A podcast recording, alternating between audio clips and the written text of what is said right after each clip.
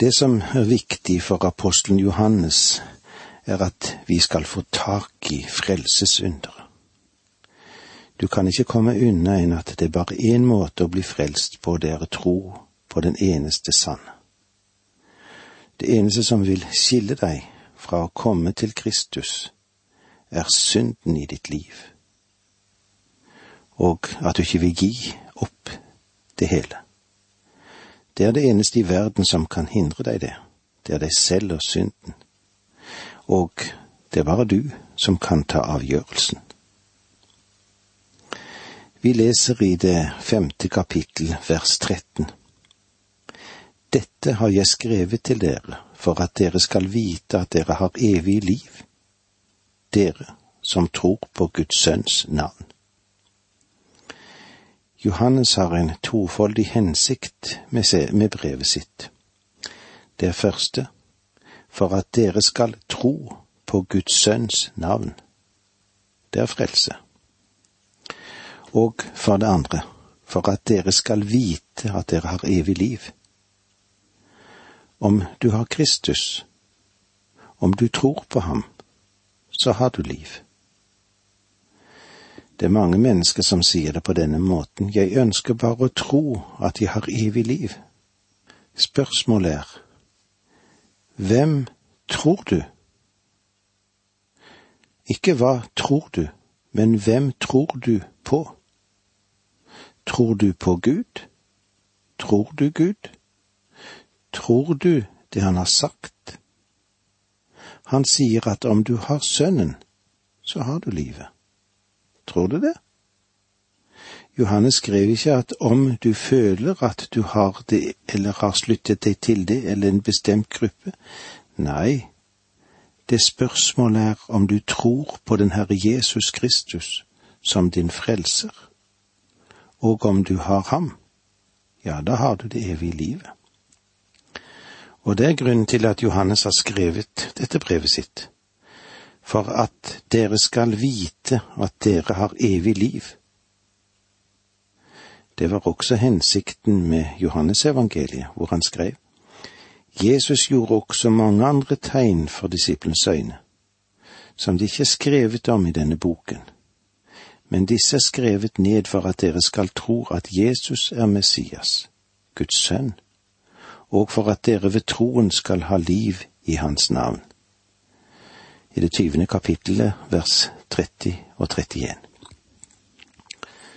Om du har Sønnen, har du livet. Johannes han ønsker at du skal vite det, og ære Gud ved det når du vet det. Det betyr ganske enkelt at du ikke gjør Gud til en løgner, men at du stoler på ham.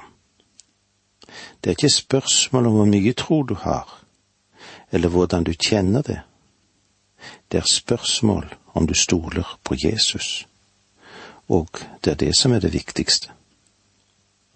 Og når du har denne visshet om evig liv, så vil det ha innvirkning på ditt kristent liv. Vers 14 Og denne frimodige tillit har vi til ham, at han hører oss når vi ber om noe som er etter hans vilje. Vår visshet vil gi oss tillit i bønn. Og tro meg, denne tillit i bønn trenger vi sannelig. Dette ordet tillit betyr egentlig frimodighet. Dette er den frimodige tillit vi har til ham. Denne visshet gir frimodighet i bønn for et Guds barn. Når vi ber om noe som er etter Hans vilje, vår bønn må løpe langs Guds linje. Om du og jeg er i fellesskap med ham, vandrer med ham, da vil vår bønn være ønske om å leve i Guds vilje under alle forhold. Georg Müller sier det slik. Bønn er ikke å overvinne Guds motvilje, det er å gripe tak i Hans villighet. Det er ikke å prøve å få Gud til å gjøre noe som han nøler med å gjøre men bønn er å tenke hans tanker etter ham, og det er det som gir oss tillit når vi vender oss til Gud i bønn. Han hører oss. Det kan du være helt sikker på. Han bare ikke hører din bønn, men han svarer den også. Gud vil høre sine barns bønner, men han vil ikke alltid svare ved å gi det som vi ber om. Johannes sier her at vi kan ha den frimodige tillit til ham at han vil svare etter måten vi ber på, når vi ber etter hans vilje. Vers 15 i det femte kapitlet. Og når vi vet at han hører oss hva vi enn ber om, så vet vi at vi allerede har det vi har bedt ham om. Det er vidunderlig å vite at vi har en himmelsk far lever vi i fellesskap med ham. Vi lever ikke slik at vi er i en syndeprosess i våre liv. Da vil det bli hindringer i bønnen vårt. Og eh, hvis vi får leve og vite at vi er i vår himmelske Far, så ber vi ikke selvisk. Vi får vandre i fellesskap med ham når vi følger ham. Og så har vi da den frimodige tillit til Han at Han vil høre oss hva vi enn ber om, og kan svare vår bønn. Vi kommer ikke til ham med mistillit eller bare for å tigge, men vi kommer med frimodighet for å be om at Guds vilje skal skje. Vers 16 Dersom noen ser sin bror begå en synd som ikke fører til død, da skal han be for ham og Gud skal gi ham liv så sant han ikke er av dem som synder til døden. Det finnes synd som fører til død, men jeg taler ikke om bønn for den. Død henviser her til fysisk død. Her er det ikke henvisning i det hele tatt til en åndelig død fordi Guds barn har evig liv. Johannes sier her at de troende kan begå en synd som fører til at deres himmelske Far vil hente dem hjem. Det vil si han vil fjerne dem fra det fysiske liv. Kanskje fordi de vanærer ham. La oss se på noen av de menneskene i Bibelen som har begått synd til døden. Moses og Aron begikk en synd til døden. Du husker at Moses ble sint på israelsfolket da de tigget om vann, og han slo på klippen to ganger. Han skulle ikke engang ha rørt den klippen. Den var allerede slått på en gang tidligere, og han skulle ha hvilt i det. Denne klippen skulle være et eksempel og et bilde på Kristus. Paulus skrev, og Israel drakk den samme åndelige drikk, for de drakk av den åndelige klippe som fulgte dem. Denne klippe var Kristus. Slik står det i første Korinterbrev 10,4. Kristus døde bare én gang, og Moses avsvekket denne typologi ved å slå på klippen to ganger. Men Herren sa til Moses og Aron, fordi dere ikke trodde på meg og ikke æret meg som den hellige for israelittenes øyne. Derfor skal dere ikke få føre dette folket inn i det land jeg har gitt dem som det står om i Fjerde Mosebok i det tyvende kapittel vers tolv. Det ble for Moses en oppreisning ved at han kunne fortsette å lede. Men han begynte å tigge Gud om å tilgi ham og tillate ham å få komme inn i landet. Men Herren sa faktisk til ham, til ham, selv om jeg har gjenopprettet deg som leder for folket, så skal du ikke komme inn i landet. Når Moses fortsatte å anmode Herren om dette, så sa Herren til ham, tal ikke mer om denne saken. Det kan du se om i femte Mosebok i det tredje kapittel vers 26. Moses og Aron hadde begge syndet med en synd til døden, fysisk død. I Det nye testamentet har vi et annet eksempel på dette i Ananias og Safira. De var en del av den første menighet, og de var skyldige i å fortelle en løgn det kan du se i Apostelens gjerning i det femte kapitlet vers 1-11. De hadde vært villige til å gi et falskt inntrykk overfor den første menighet. De var villige til å leve ut en løgn. Men Gud grep dem på grunn av det, og fjernet dem fra den jordiske arena. Dette er noe som vi må tenke litt igjennom, alle sammen til vi møtes igjen neste gang. Takk for nå, må Gud være med deg. Dette undervisningsprogrammet består av to deler. Åge Nevland fortsetter nå med andre del av dagens undervisning. Vi er i Johannes sitt første brev og i det femte kapitlet, og nå har vi kommet til avslutningen av dette brevet, og det Gud har å fortelle oss gjennom sin tjener. Viktig er det for oss alle sammen at vi har det klart for oss hvordan Gud er og hvordan Han handler. I det 16. vers i det femte kapitlet leser vi slik. Dersom noen ser sin bror begå en synd som ikke fører til død, da skal han be for ham, og Gud skal gi ham liv, så sant han ikke er av dem som synder til døden. Det finnes synd som fører til død, men jeg taler ikke om bønn for den. Her har vi nå sett litt tidligere hvordan det gikk med Moses og Aron og eh, Ananias og Safira. Og eh, vi har ennå et tilfelle i første, tilfelle i første Korinterbrev.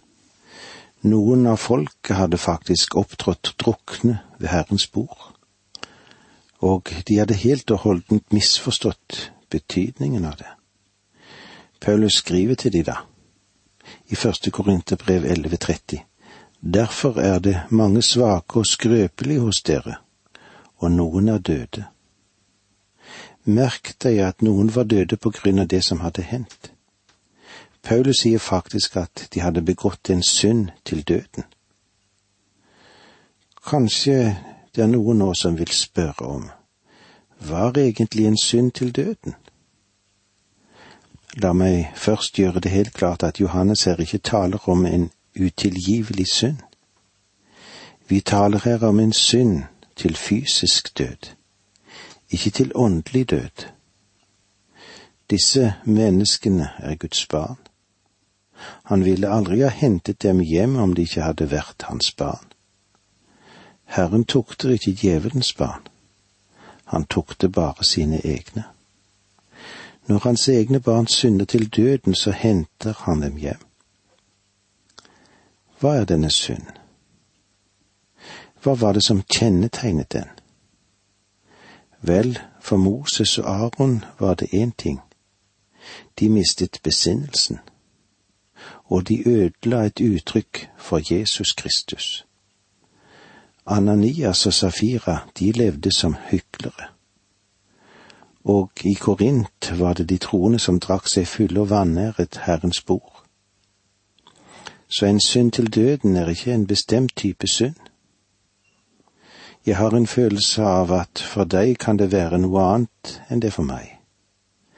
Men jeg er av den mening at alle troende er i stand til å begå synd til døden. Hva nå den kan være for den enkelte.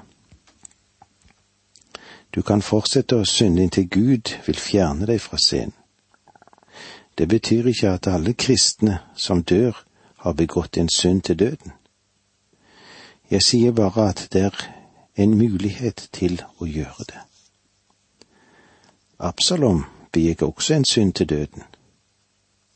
Jeg tror at Absalom egentlig var et Guds barn, men han ledet et opprør mot sin far kong David.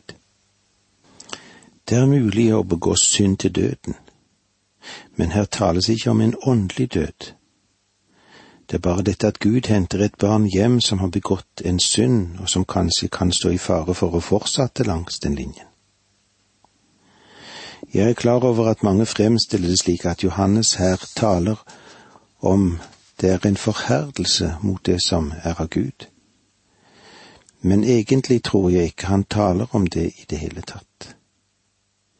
Som du skjønner kan dette ordet ses fra mange forskjellige synsvinkler men eh, den oppfatningen som jeg har av Johannes her, han taler om en fysisk død, og ikke om noe annet.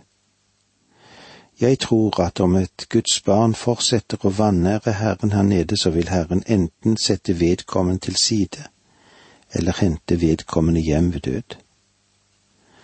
Herren har ikke noen særlige betenkeligheter ved det. Han vil under ethvert forhold bevare sin menighet og berge dem som står i fare for å ødelegge Guds sak eller seg selv. Vers 17 All urett er synd, men ikke all synd fører til død. Troende som lever i dag, har alle syndet. Men vi har ikke syndet til døden. Vi gjorde det som var galt, det var urettferdig. Men han hentet oss ikke hjem. Om han vil hente hjem enhver troende som har syndet, så ville jeg vært hentet hjem for lenge, lenge siden. Vers 18 Vi vet at den som er født av Gud, ikke synder. For han som er født av Gud, bevarer ham, og den onde rører ham ikke. Vi vet at den som er født av Gud, ikke synder. Som vi har sett tidligere i denne, dette brevet, så har du og jeg to naturer. En gammel natur og en ny natur. Den nye naturen, den vil ikke synde. Den synder aldri, men har en lengsel etter Gud og det som hører Gud til. Den gamle naturen, den vil synde og det er på grunn av den at den troende synder. For han som er født av Gud, bevarer ham, og den onde rører ham ikke. Dette er ennå et vers som får meg til å tro at et Guds barn aldri kan bli besatt. Jeg tror at kristne kan komme til et punkt der de blir trykt ned, antastet av demoner. Men om de virkelig er demonbesatt, ja, det vil jeg stille spørsmål ved. Om så skulle skje, så må jeg stille spørsmål òg ved deres frelse. Selv om de kan tro at de er født på ny. Hvorfor? Fordi Han som er i dere, er større enn Han som er i verden, sto det i 1. Johannes 4,4. Den hellige ånd vil ikke bo der en demon er. Vers 19. Vi vet at vi er av Gud, og at hele verden ligger i det onde. Dette verset kan også ses fra en noen annen synsvinkel, om kanskje vi kunne oversette på denne måten.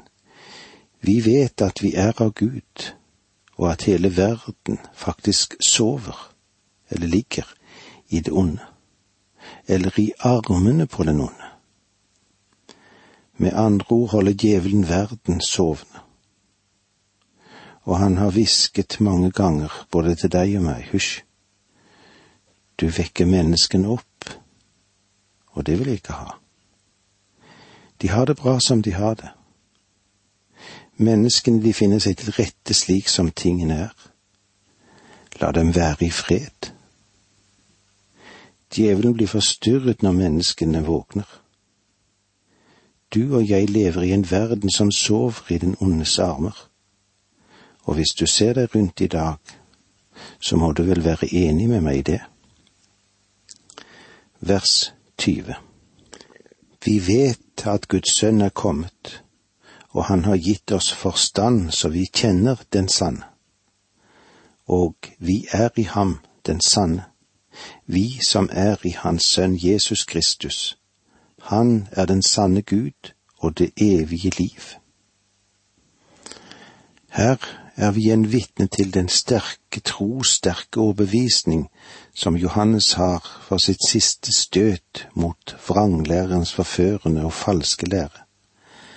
Igjen slår han fast med det sterke vi vet.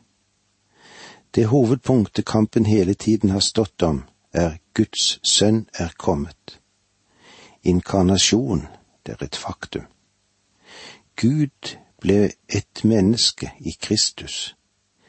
Jesus er Kristus, Guds sønn, sann Gud og sant menneske i en og samme person. Videre så slår Johannes fast at denne erkjennelse ikke beror på menneskene sin spekulasjon. Han har gitt oss forstand, så vi kjenner den sanne. Med denne nye forstand eller erkjennelse har vi ikke bare ført dem til en ny intellektuell landevinning, en dypere religiøs filosofisk forståelse. Det viktigste er at de er brakt i et personlig livssamfunn med Gud.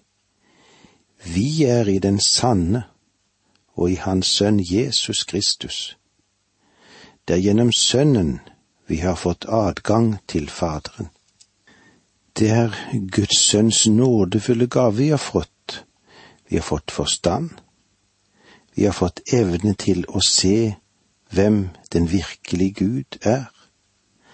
Gaven er vår, æren er hans.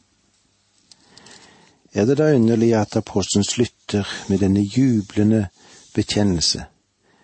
Denne er den sanne Gud og det evige liv. Johannes avslutter dette brevet med å si, Mine barn, vær på vakt mot de falske guder.